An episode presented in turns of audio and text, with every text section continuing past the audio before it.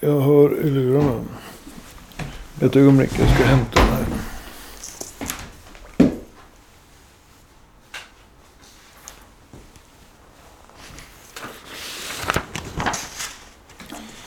Right, då kör vi igång. Mm.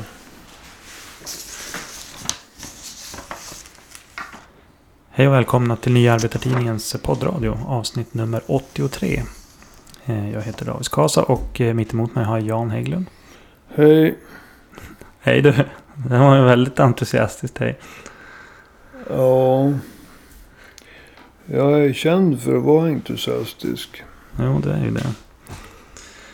Mycket entusiastisk. Ja, visst. Gnäller hela tiden över arvoden och grejer. Alltså, Aldrig nöjd. Alltså om jag hade några arvoden att gnälla över. Då vore jag nöjd. Mm, precis. Men hur ska man kunna gnälla om någon, någonting som inte existerar? Exakt. Precis. Det kan du fundera på. I alla fall, idag är det ju eh, tisdag den eh, 21 september.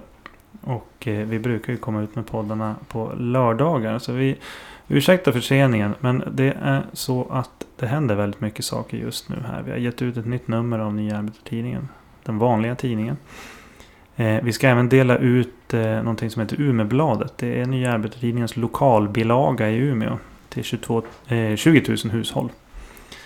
Dessutom är det ju kommunfullmäktige här i Umeå på måndag nästa vecka. Så att vi, vi kör två poddar på tre veckor nu. Och därför är den här lite försenad. Och eh, jag säger det redan nu att nästa podd kommer inte nu på lördagen den 25. Utan det blir lördagen därefter den 2 oktober. Så då har vi det klart. För alla lyssnare. Sen när det gäller dagens tema här. Eh, det handlar om hur de kriminella nätverken och klanerna ska bekämpas. Eh, och eh, innan vi går in på just den frågan så jag tänkte dra några fakta bara som bakgrund här. Ser man på maj, juni, juli och augusti. Enligt polisens statistik så var det fler än en skjutning om dagen i snitt.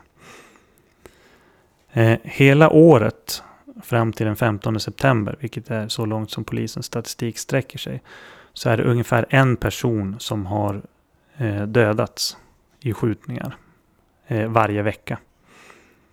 Och två personer som har skadats varje vecka. Och eh, den här höga nivån av eh, skjutningar och döda i skjutningar, så det är ju ungefär där som, som nivåerna har legat sedan 2017 när polisen började föra statistik. Och det är inte omöjligt att det har varit längre än så. Sen dessutom har det ju nu kommit en eh, rapport i augusti.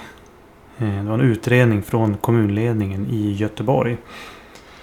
Som eh, ger en skrämmande bild av hur kriminella nätverk och hederskulturella normer påverkar såväl anställda som olika verksamheter i Göteborgs stad. Så det är liksom bakgrunden till den här podden.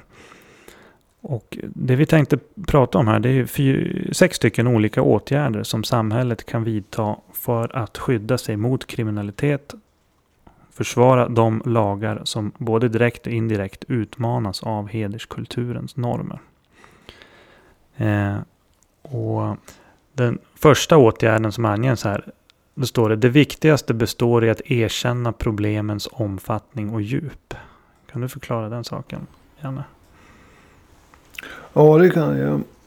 Eh, jag ska försöka uppamma entusiasm. Eh, för att man kan ju ibland drabbas av en viss eh, nedstämdhet när man tittar på inte vad politikerna gör utan vad de inte gör. Eh, problemen inom vissa stadsdelar är så stora att de politiskt ansvariga och olika myndigheter måste inleda en medveten motoffensiv för att återta initiativet i dessa stadsdelar. Alltså det pratas väldigt mycket om hårda tag och övervakning. Straff. Mm. Mera straff. Liksom, eh, till och med så att det moderata, eh, ett kommunalråd för Moderaterna i Göteborg har talat om att man ska sätta in militär.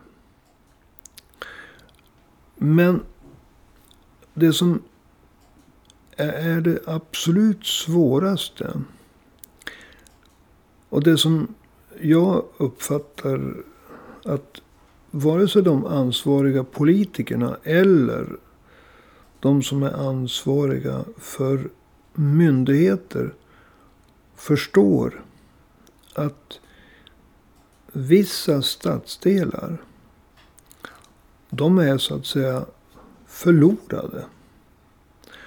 Alltså de har initiativet eh, när det gäller utvecklingen. Den sociala utvecklingen kanske man ska uttrycka sig som. Mm. De har övergått eh, huvudsakligen till de kriminella nätverken. Och till de personer som bär upp hederskulturens förtryckande normer. Och det här hotar samhällets institutioner och demokratiska arbetssätt. Mm. Och det här är väldigt, alltså rent intellektuellt och känslomässigt, väldigt svårt att acceptera. Man kan prata om olika stadsdelar som har olika problem. Rent kvantitativt. I den här stadsdelen var det fem bråk. Mm. I den där stadsdelen var det sex bråk. I den där var det sju. I den där förekom det att någon använde kniv mot en annan person. Och i den där så var det en skjutning. Men det är olika steg i en trappa. Mm. Uppåt eller neråt beroende på vilken humor man har. Himlen eller helvetet. Men det som är svårt för makthavare, politiker, myndighetspersoner. Det är att acceptera att man helt enkelt har förlorat kontrollen över en stadsdel. Att samhällets institutioner är på reträtt. Mm. Och att man måste, låt mig säga det, man måste återta stadsdelen. Man måste återvinna medborgarnas förtroende. Mm. Att de parallella strukturerna har blivit i mångt och mycket starkare än det officiella Sveriges strukturer. När det gäller polis, skola, socialtjänst. Att, alltså att det är inte längre problem i den här stadsdelen. Mm. Stadsdelen är inte längre myndigheternas. Och därför måste den återtas. Klarar man av att acceptera detta oerhörda nederlag. Mm. För den politiska ledningen och för myndigheternas ledningar. Ja, då kanske man kan eh, vidta ändamålsenliga åtgärder. Mm. Men det är en otroligt hög spärr. För att man ska kunna erkänna. Den här stadsdelen, vi har förlorat kontrollen. Nu måste vi återta kontrollen. Mm. Då börjar man tänka på ett annat sätt. Mm. Då räcker det inte med att säga vi ska skicka in militären. Nej. Man kan skicka in militären på olika ställen i 20 år. Har det visat sig. Men det kommer, Afghanistan till exempel. ja, och det kommer ändå inte att hjälpa. Mm. Frågan är alltså vad vill man? Ja. Och, för, och förstår man. Alltså att här, här måste vi återta kontrollen. Mm. Eh, den andra åtgärden som nämns här i programmet. Du var inne på det redan i det du pratar om nu. Alltså att det måste till en motoffensiv. Och att den måste ha flera kraftkällor. Vad är det som Ja, åsyftas där? alltså. Ska man göra en motoffensiv mot kriminella nätverk. Eller klaner. eller mot de som bär upp hederskulturen och dess förtryckande normer. Så det måste ju finnas en kraft som utmanar de här grupperna som står för ett parallellt samhälle. Parallella samhällsstrukturer. Ja. Liksom traditioner, lagar. Alltså ett, ett annat Sverige. En parallell, enklav. En enklav där inte svenska lagar och på lagarna grundade värderingar gäller. Mm. Och som jag har antytt är, är min absolut fasta åsikt. Det, det, det, man kan inte skicka in militären en vecka och visa upp en, en styrkedemonstration och sen dra sig tillbaka. Det innebär inte att de alternativa parallella strukturerna försvinner. Utan det måste vara en långsiktig satsning. En oerhört långsiktig satsning.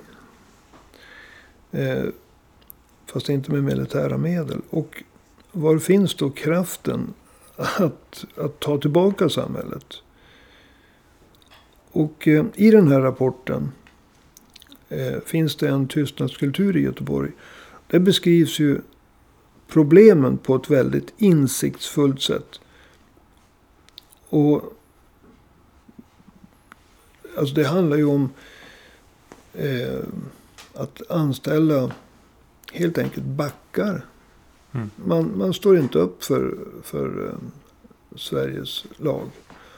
Man står inte upp för de traditioner som är baserade på lagar och så. Eh, eh, hederskulturens värderingar, kriminella eh, våldskapital som de besitter äter sig in i den kommunala verksamheten. Mm. Det, det är en oerhört eh, deprimerande läsning. Och man, man tror knappt att det är sant. Och det här kan man läsa om i vårt senaste nummer av Nya Arbetartidningen. Men det beskrivs också i den här rapporten som är gjord av en kvinna eh, på uppdrag av Göteborgs kommun. Eller Göteborg kallas för stad. Men det är en kommun. Hon heter Anna Ekström. Och där beskriver hon just att det finns bland personalen, alltså de kommunanställda, väldigt modiga och insiktsfulla anställda. Eh, och där finns kraften. Problemet är att den här kraften, den är instängd i ensamhet, i rädsla. Eh, den här personalen som förstår problemen, de jobbar med den varje dag. De utsätts för en sån hård press. Både från kriminella och de som bär upp hederskulturen. Att de har liksom inga uttrycksformer. De, de har viljan, de har insikterna. Men de saknar stöd att agera. De vet inte hur de ska agera. De reduceras på det sättet till att vara en här, en där. De är många, men de är ändå inte, om man säger, ett kollektiv. Mm. Men, men det finns alltså väldigt många som förstår problematiken, förstår djupet. Men de kan inte samarbeta. För att, som jag sa i, i den första frågan. Då måste det alltså, då måste man på högsta nivå ha insett djupet. Vi har förlorat, eller vi håller på att förlora den här stadsdelen. Mm. Och då måste man organisera verksamheten därefter. Och det är det som inte har skett. Så all den här kunskapen, all den här viljan att göra rätt från de kommunanställdas sida. Den kan inte ta sådana uttryck. Så det är egentligen lite grann som den tredje åtgärden här. Att du, du är som inne på den. Det står att personalen måste känna att de har chefernas stöd. Det är det du är inne på lite grann då alltså? Ja. Rapporten heter ju Finns det en tystnadskultur i Göteborgs stad? Och eh, det finns ett citat ur den här rapporten. Som jag väl vill rekommendera alla att läsa. Den är inte så lång. Eh, det är djupintervjuer med en, jag tror det är 50 chefer och, och, och tjänstemän. Mm. Eh, där är det en som säger, om du ska göra karriär, då ska du inte tala om hur det är. Mm. Och eh, det har alltså de som har talat om hur det är. De har blivit kallade rasister. De har blivit offentligt mobbade. Mm. De har fått svårigheter i jobbet. Det har förekommit utfrysning. Det har till och med varit så att deras verksamhetsbudget har eh, krympt. Mm. Och det är klart, det kan ju tysta vem som helst. I det här läget så har ju cheferna ett avgörande inflytande. Ett avgörande ansvar för att vända dagens tystnadskultur som råder i de här utsatta områdena i Göteborg. Eh, vända den här tystnadskulturen till en kultur där de anställda kan söka stöd hos varandra. Mm. Rapporten riktar en väldigt eh, svidande kritik mot tystnadskulturen i Göteborg. Men om man ska kunna vända en tystnadskultur till en öppen kultur där anställda som pressas hotas direkt, hotas indirekt. Första gången man kommer till jobbet så står det 20 stycken från ett gäng och, Mm. och, filmar en. Mm. Om man eh, går emot någon så kan man få reda på att den personen känner till var du bor, i vilken skola dina barn går och så vidare och så vidare. Alltså de utsätts för en, en press eh, från personer med vad man brukar kalla våldskapital som är, är, är, är fruktansvärd. Mm. Och om man då inte har stöd från cheferna. Om det då inte liksom är accepterat att man får prata öppet med kollegor. Det, då är det väldigt lätt att man blir mycket tyst. Så det behövs eh, så att säga en kulturrevolution inom verksamheterna. Till exempel inom socialtjänsten. Och troligtvis även på vissa skolor. Så att de anställda som då står upp för, för svenska lagar och de normer som har vuxit fram med stöd av, av eh, svensk lag. De ska ju inte behöva tveka ett ögonblick på att de kan räkna med uppbackning från sina kommunala arbetsgivare och chefer. Och det kan ju handla om stöd eh, med att upprätta en anmälan för att någon har begått ett brott eller hotat eh, den anställde. Det kan vara stöd för att eh, kunna vittna eh, för polisen. Det kan vara stöd för att klara av alla steg i en rättegångsprocess. Och eh, det som är positivt bland allt negativt i den här rapporten. Det är ju att de anställda som har fått stöd och har gått igenom sådana här svåra saker som att vittna. Som har klarat av alla steg i en rättegångsprocess. Som har utsatts för tryck men som har klarat det. Mm. De går stärkta ur en sån här händelse. Men det gäller att chefen inte tystar folk. Utan att chefen lyfter fram problemen. Att chefen skapar ett klimat där de anställda kan prata med varandra och jämföra eh, erfarenheter av att bli utsatt för ett sånt hårt tryck som de blir. Ja. Sen vill jag lägga till att det krävs fler anställda. Bland annat för att eliminera ensamarbetet inom de mest utsatta verksamheterna. Som socialtjänst och skola. Om du träffar personer som öppet hotar dig. Alltså de får inte försörjningsstöd. Du är socialsekreterare. De talar om att de vet var du bor. Mm. Eller de hotar dig rakt över disk så att säga. Jag menar. Ett sånt ensamarbete kan ju bryta ner vem som helst. Mm. Så därför behövs det fler anställda. Bland annat för att eliminera ensamarbetet. Eh, men det behövs också naturligtvis poliser. För att i slutändan så eh, de här hoten. De omsätts ju i praktiken då och då. Mm. Ja, om vi fortsätter på det där. För att du nämnde han, Moderaterna, han pratade om att sätta in militär till och med. Hårdare tag. Hur ser du på, på eh, hur tryggheten ska återupprättas? Alltså. Det behövs poliser. Frågan är. Behövs, behövs det en militarisering av polisen? Mm. Ska polisen förstärkas med militär? Eller ska vi utbilda polisen och militarisera den så att de får större vapen och flera skydd? Mm. Eh,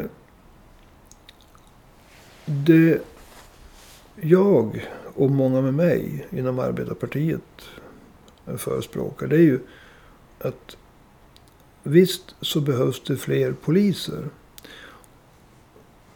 Eh, men vi vill ha kvarterspoliser och fotpatrullerande poliser. Fotpatrullerande poliser, det är, det är en allmän eh, åtgärd. Alltså att polisen befinner sig på torg och på andra offentliga platser. Där man kan prata med dem. Och där de kan prata med övriga medborgare. Mm.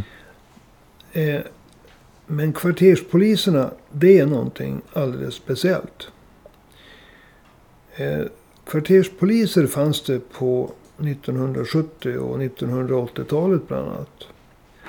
Och en kvarterspolis, det är ju en, är, är ett antal poliser som har en liten polisstation ute i, ute i bostadsområden som är, är utsatta för extra stora problem. Eh, På 70 och 80-talen så behöver det inte vara extra stora problem om man jämför med idag. Mm. Men den roll som kvarterspolisen har det är att ständigt finnas ute i olika bostadsområden. ja, På torg och andra offentliga platser. Och inte bara för att själva förebygga brott och, och skapa ett tryggare samhälle. Utan kvarterspolis och även fotpatrullerande polis hade ju i uppgift att skapa sociala band till befolkningen. Ja, just det. Och eh, det gjorde ju att många boende vågade stå upp för sitt bostadsområde. De vågade säga till. Därför att Mm. de hade polisen i ryggen. Och inte då bara på det sättet att om man säger till någon som lever om och så får man en smäll på käften. Så Mm. kommer polisen i efterhand och tar fast och griper den som slog en. Utan eh, om, om vi tittar på dagens situation. Alltså, ska civilbefolkningen våga stå upp mot kriminella nätverk? Ska civilbefolkningen våga stå upp mot de som bär hedersförtryckets normer? Mm. Så kommer ju polisen att behövas. För vem ska man vända sig till? Men om polisen lyckas slå broar till befolkningen. Om polisen... För, för jag talar ju om att vissa bostadsområden, samhället har alltså tappat kontrollen över dem. Mm. Samhället måste återerövra dem. Och då så är ju polisens förmåga att skapa sociala band till befolkningen i utanförskapsområden ännu mycket, mycket viktigare än på 70 och 80-talen. Eh, och den blir viktigare för varje dag. Så att polisen, eh, kvarterspolis och dess förmåga att eh, skapa sociala band. Det handlar ju inte bara om att de blir effektivare som poliser. Mm. Utan det handlar ju om att om de bygger upp sociala band till befolkningen. Då finns det ju en massa människor som känner sig förtryckta av de kriminella. De Mm. känner sig förtryckta av de som bär på hederskulturens normer. Och därför så, så finns det ju en... Om vi talar resu- om resurser till motoffensiven. Mm.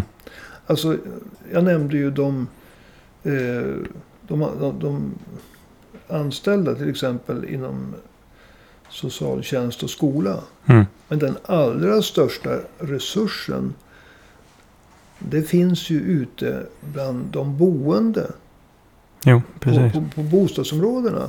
Alltså Precis. bland alla butiksägare som tvingas betala en sorts eh, skyddsavgift för att inte få sina affärer nedbrända. Mm. Bland eh, vanliga boende som är rädda att gå ut. Alla de känner ju till vad som är på gång. Alla Ja. de känner till vem som misshandlar. Och de, beroende på polisens sätt att uppträda, beroende på polisens förmåga att slå broar, socialt, sociala broar till de boende, så kommer ju de att kunna hjälpa polisen. Mm. De kommer kunna säga till. Ja men det var ju han. Det var, det var den. Men Mm. också att det är någonting på gång. Så att en duktig kvarterspolis blir inte bara duktigare som individ. En duktig kvarterspolis får ju befolkningen med sig. Mm. Gör ju att befolkningen får råg i ryggen. Och om samhället ska förmå återta kontrollen över vissa stadsdelar. Så är det så hårt att det är polisen som måste gå i spetsen. Det, det, vi kan, man kan inte liksom eh, ställa kravet på att de som jobbar på en ungdomsgård eller Nej, lärare eller en, en socialsekreterare ska gå i spetsen. nej. De behöver ju också skydd från polisen. Utan de behöver skydd från polisen. Utan det är polisen som måste gå i spetsen. Mm. Men om det, det gör inte polisen som kommer dit en kvart efter det att någon har blivit eh, skjuten. Eller det har skett en skjutning. Utan de boende måste vara säkra på att Kent, Åke och Ali de finns där. Mm. De har en mini-polisstation där. Kvarterspolisen, de är där för att stanna. I 20 år. Mm. Men inte som eh, militärer. Utan som en del i stadsbilden. Fast om det gäller så kan de som pratar med dem också bli skyddade av dem. Mm. Men alltså hur ska i, i ett område som behärskas av ett kriminellt nätverk någon våga prata med polisen om polisen bara är där, tar upp vi- vittnesmål och sticker. Mm. Och det, då är det ju farligt att prata med polisen. Men om Kent, Ali och Åke ständigt finns där och även Susanne. Eh, för att få med kvinnorna i det här. Mm. Alltså jag valde namnen utifrån vad jag kom på. Så då, då, då, då det kommer ett nytt, alltså det blir en ny balans i hela bostadsområdet om det finns kvarterspoliser. Och jag är helt övertygad om att fotpatrullerande poliser som går runt och pratar med folk. Och så att de blir just Kent, Åke, Ali och Susanne. Och inte bara Aina. Som de kallar poliserna i uniform. Mm. Eh, de kommer att få ett väldigt snabbt resultat. Därför att, jag säger det igen. Befolkningen är inte roade av, om du har en butik eller restaurang, att betala liksom en sorts avgift till den lokala maffian. Mm. Befolkningen är inte road av att ständigt vara rädd. Befolkningen är inte oroad av att deras söner och döttrar och de själv, de vuxna, kan dö eller skadas av en förlupen kula i ett gängkrig. De utgör en oändlig kraft. Det är en, en till kraft. Va? Men det Mm. krävs att kvarterspolisen är där och frigör den kraften. Var en sak du sa där, att, att det kan gå ganska fort. Är det inte så att den här typen av satsningar, som vi snackar ju om att, att, att bryta ryggen av klanstrukturer, är inte det någonting som kräver rätt långsiktiga insatser? Ja, alltså om du ska vinna så måste du vara beredd på... Eh, alltså, ska, ska, ska ett, om ett bostadsområde är förlorat Mm. idag. Alltså inte för evigt, men om en klanstruktur har vuxit sig så stark att i stort sett alla butiksägare, restaurangägare betalar en skyddsavgift. Mm. Ja. Då måste det vara en väldigt långsiktig satsning. Men vad jag tror att man kommer att märka. Och det här har jag hört av de som jobbar inom branschen. Det vill säga det här kommer från poliser själv. Det är att de positiva reaktionerna av att bara patrullera på ställen. De kommer väldigt fort. Eh, däremot så är ju de positiva reaktionerna. De, alltså även poliser som jobbar och satsar. Eh, sin, sin egen, vad heter det, liv och lem. Mm. Och, och naturligtvis finns under en väldig mental press. De kommer att känna att ett skikt av befolkningen reagerar positivt direkt. Mm. Sen är- innebär ju inte det att man har tagit tillbaka stadsdelen. Mm. Från ett djupt förankrat kriminellt nätverk som har sänkt sina rötter, slagit sina klor i, i stadsdelen och haft 20 år på sig att befästa det. Mm. Men de positiva reaktionerna kommer att komma direkt. Ja, det- det, det jag menade var egentligen mer... Eh, alltså, i, idag så är det ju ofta som folk letar efter en quick fix i politiken för att lösa problem. Snabba, enkla, kortsiktiga lösningar. Det, det, det är liksom... Ja, vi titt- det är ju bara att titta på Socialdemokraternas budget här inför valåret. Eh, när det gäller allt. Eh, Extra allt. Precis, alltså det, det är lite mer, mer det jag tänkte på. Alltså det, det finns väl ingen quick fix i de här grejerna. Det finns ingen... Alltså ett, ett... Det finns ju vissa bostadsområden på Hisingen i, i Göteborg. Jag tror att hela Hisingen har väl 55 000 invånare. Men Hisingen är ju i sig uppdelad i en, en rad andra, alltså mindre bostadsområden. Man brukar, Hammarkullen är känt, Mm. Hjällbo är känt och så vidare. Det är ju ställen där, vad heter det, nätverk, klanstrukturer har gått så långt att de har satt upp vägspärrar Mm. och kontrollerat vem som har rört sig in och ut. Så att eh, kommunanställda vid hemtjänsten måste tala om vem de var. Alltså det är en oerhörd styrkedemonstration. Det är precis som man hör liksom från främmande länder. Alltså nu, nu tar jag i och överdriver medvetet. Men i Libanon finns det ju miliser som stiger fram Mm. och sen upprättar egna vägspärrar och kontrollerar. Alltså enbart i kraft av att de har våldskapital. Va? Jo. Jag menar naturligtvis är inte liksom eh, några bostadsområden i Göteborg att jämföra med Libanon. Självklart inte. Men det är heller eh, alltså det är väldigt långt från Hjällbo till Libanon. Men det är också väldigt långt från det Sverige som vi tror, de flesta av oss, att vi lever i. Till Hammarkullen och Hjällbo. Där kriminella nätverk alltså, tar sig rätten att sätta upp vägspärrar och kontrollera vem som far in och ut. Det Mm. låter alltså helt eh, science fiction. eh, Eller dystopiskt kanske man ska säga. Va? Mm. Så att eh, det här är en lång.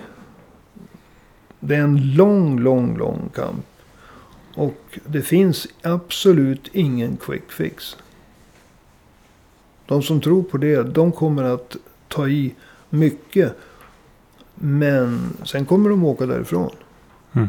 Och det enda de kommer att ha gjort, det är att de kommer att ha stärkt de här kriminella klanstrukturerna. Om vi går vidare då. Menar, många av de här stadsdelarna där de kriminella eh, har tagit över. De lider ju under andra problem. Alltså arbetslöshet, sociala problem, eh, språksvårigheter, utanförskap. Man har inte kommit in i, i, i det svenska samhället. Eh, hur, hur ser du på frågan om, om eh, arbete, arbetslöshet? När det gäller att Ja, det, det, bekämpa de här ja, det är helt avgörande. grogrunden kan man säga. till. Ja ja, men det är helt avgörande. Alltså, det, i slutändan så handlar det ju om... Eh, det här är en kamp om själarna. Alltså, katoliker och protestanter, de, de slogs om själarna. Det var därför de krigade. Men i slutändan så var det vems religion ska forma människorna. Va? Och eh, i sista hand kamp, handlar ju kampen om mot den här nya typen av brottslighet. Alltså den brottslighet som i sin tur speglar parallellsamhället. Parallellsamhället eh, med sina egna uppförandekoder och lagar inom citationstecken. De har ju framfört en helt ny typ av brottslighet. Jo. Som inte anser att den svenska lagen och de som upprätthåller den, polisen, är legitima. Mm. Och eh, då är ju frågan i slutändan. De åtgärder från samhället som är effektiva. Det är de åtgärder som skapar medborgarnas identitet. Och som avgör vem man, man ska rikta sin lojalitet emot. Alltså det pågår en strid mellan det officiella samhällets företrädare på ena sidan. Och de kriminella nätverken och klanernas hederförtryckets bärare å andra sidan. Om medborgarna. Mm. Och om du lär dig språket. Om du får jobb och arbetskamrater. Om du börjar betala skatt och fundera på hur dina skattepengar används. Och om du sen jämför Sverige med det land som du har flytt ifrån. Eh, så kommer ju med stor sannolikhet en sån person utan att glömma var man kommer ifrån. Även Mm. skaffa sig en svensk identitet. Och man kommer att rikta sin lojalitet mot det svenska samhällets institutioner. Ja. Via jobbet. Jobbet är helt avgörande. Men den som inte får ett jobb. Den som har gått långtidsarbetslöshet år efter år. Har inte alls samma motivation att lära sig bättre svenska. Kanske till och med struntar i de svenska kunskaper man har. För man kanske bor på ett sånt område där det går alldeles utomordentligt att klara sig utan svenskan. Och man tittar på sina nära och kära. Och det är väldigt många av dem, kanske ens föräldrar, de har aldrig fått något arbete. Utan de är fast i ett sorts bidragsberoende. Mm. I ett utanförskapsområde. Om du ser att det är din egen framtid när du är rätt ung. Ja, du har fortfarande ett behov av att eh, känna en identitet. Du har fortfarande ett behov av att rikta din lojalitet mot någonting. Mm. Men om du inte kommer in i det svenska samhället via ett jobb. Då är det väldigt mycket lättare att du tar till dig det parallella samhällets uppförandekoder och lagar. Och det kan du få i ett kriminellt nätverk. Jo. Och det tråkiga är ju att det har ju aldrig funnits så många långtidsarbetslösa som idag. Så att arbetet kan vara den isbrytare som öppnar dörren till det goda i det svenska samhället. Och eh, arbetet kan ju vara det som gör det möjligt att... eh, Ja, det finns ju ett uttryck som säger så här. Gör din plikt och kräv din rätt. Det. Men det bygger ju på att du har ett jobb. Alltså hela samhällskontraktet.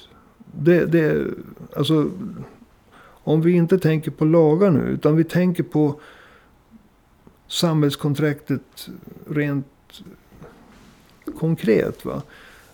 Du som knegare förutsätts jobba, betala skatt och sköta dig. Och du ska då få någonting för din skatt. Eh, är du sjuk ska du få sjukvård. Dina barn ska få utbildning. Och är du otrygg ska polisen komma och skydda dig. Va? Mm. Men om du inte jobbar, om du inte får chansen att jobba. Hur ska du då kunna ta till dig det här uttrycket? Gör din plikt och kräv din rätt. Nej, du har ingen inte. chans att göra din plikt. För Nej. du har ingen jobb. Men din rätt kommer du att ta det ändå. Mm. Men du kanske gör det via ett kriminellt eh, nätverk. Fast då är det inte din rätt. Då är det din orätt. Men du måste rikta din lojalitet mot någonting. Mm. Och då blir det gängets rätt. Gängets normer. Så det är det jag menar att vi måste förstå. På samma sätt som vi måste acceptera. Beslutsfattarna måste acceptera att det finns vissa områden som helt enkelt har gått förlorade för det svenska samhället. Som måste återerövras. Mm. Så måste man förstå vad, vad kampen består i. Och kampen består i att vinna själarna. Eller om man ska vara mindre kyrklig. Man måste vinna identiteten. Det, det är ett slag om personernas identitet och lojalitet. Och där betyder jobbet A och O. All right. Ja, vi, vi börjar få lite ont om tid här. Eh, så att, eh, jag tänkte jag skulle se om du har någon sista avrundande ord som du vill tillägga. Nej, jag, jag skulle vilja sammanfatta. Ja, Alltså det här är så viktigt och det förekommer så många eh, missförstånd. Alltså det finns de som tror att det finns en quick fi- fix. Och det är att öka militariseringen. mm. Sätt in militär, då får de se. Mm. Och så finns det de som förnekar det hela och säger ja, men fler ungdomsgårdar. Men Mm. de kommer att tas över av samma nätverk. Ja, på många håll är de ju redan övertagna. Ja. Utan vad vi behöver det är stora insatser. Men det som måste gå i spetsen är en alldeles speciell sorts polis. Mm. Eh, kvarterspolis i synnerhet. Och patru- fotpatrullerande poliser i allmänhet. Mm. Och i båda fallen så är syftet att skapa sociala kontakter. Och att de personerna som vågar börja prata. Och vågar berätta om vad som pågår i bostadsområdet. Som vågar börja sluta betala den här ja, Mm. skatten till de lokala bossarna. Och i Göteborg så är inte det här någon, eh, något påhitt. Alltså det är så att i vissa områden betalar alla. Jo. Om du har restaurang, café, någon form av verksamhet. Du betalar alltså beskyddarpengar. Jo. Gör du inte det råkar du illa ut eller din affär råkar illa ut. Eh, så man måste förstå vad det handlar om. Vissa bostadsområden måste återerövras. Striden står om folks själar. Eller, för att vara mer profan, identiteten och lojaliteten. Ska den vara mot det svenska samhället och dess institutioner? Eller ska det vara mot de kriminella nätverken? Mm. Och de som kan gå i spetsen för det här. Att återerövra stadsdelarna. Det är kvarterspolisen. Mm. Och eh, tillsammans med att de här människorna får ett jobb.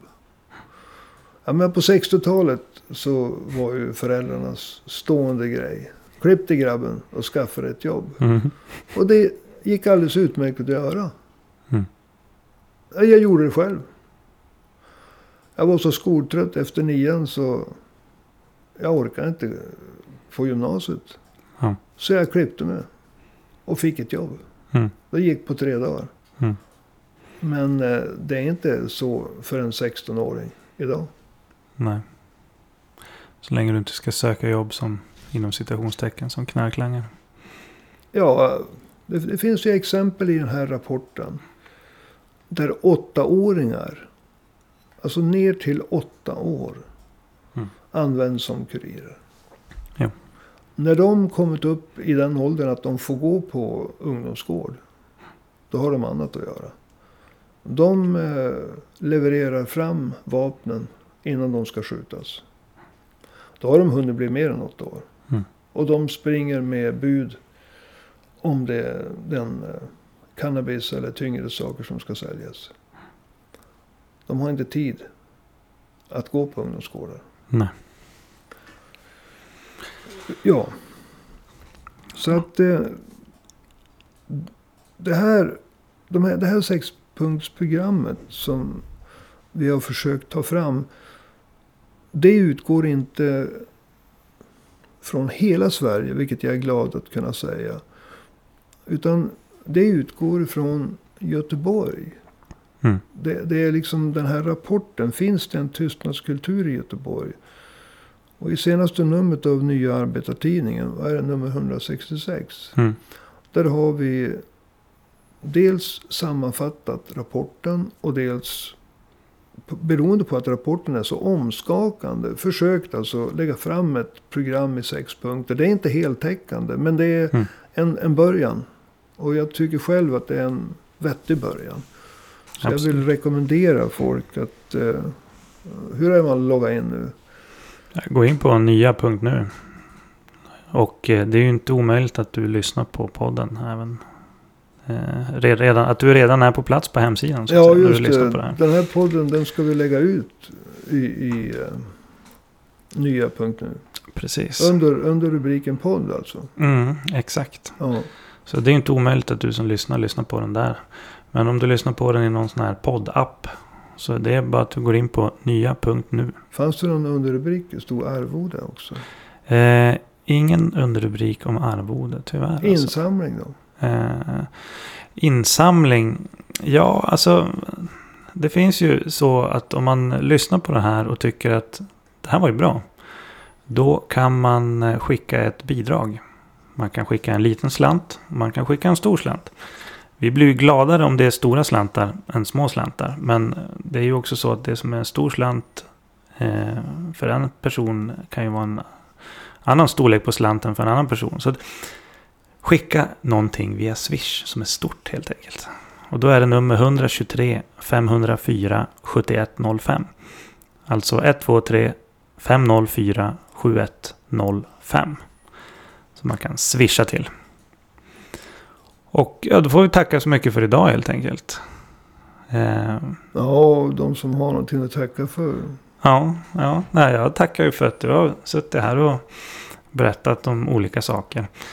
Eh, och jag tänker att våra lyssnare, de tackar nog också för det här. Så att, eh, som sagt, avsnitt 237, då kommer vi diskutera arvodena.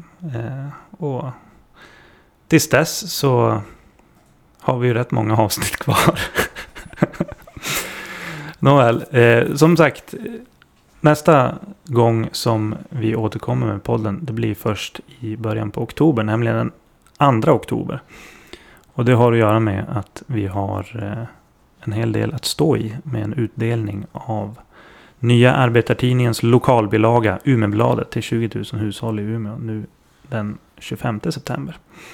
Så att vi hörs igen om eh, en och en halv vecka ungefär. Hej!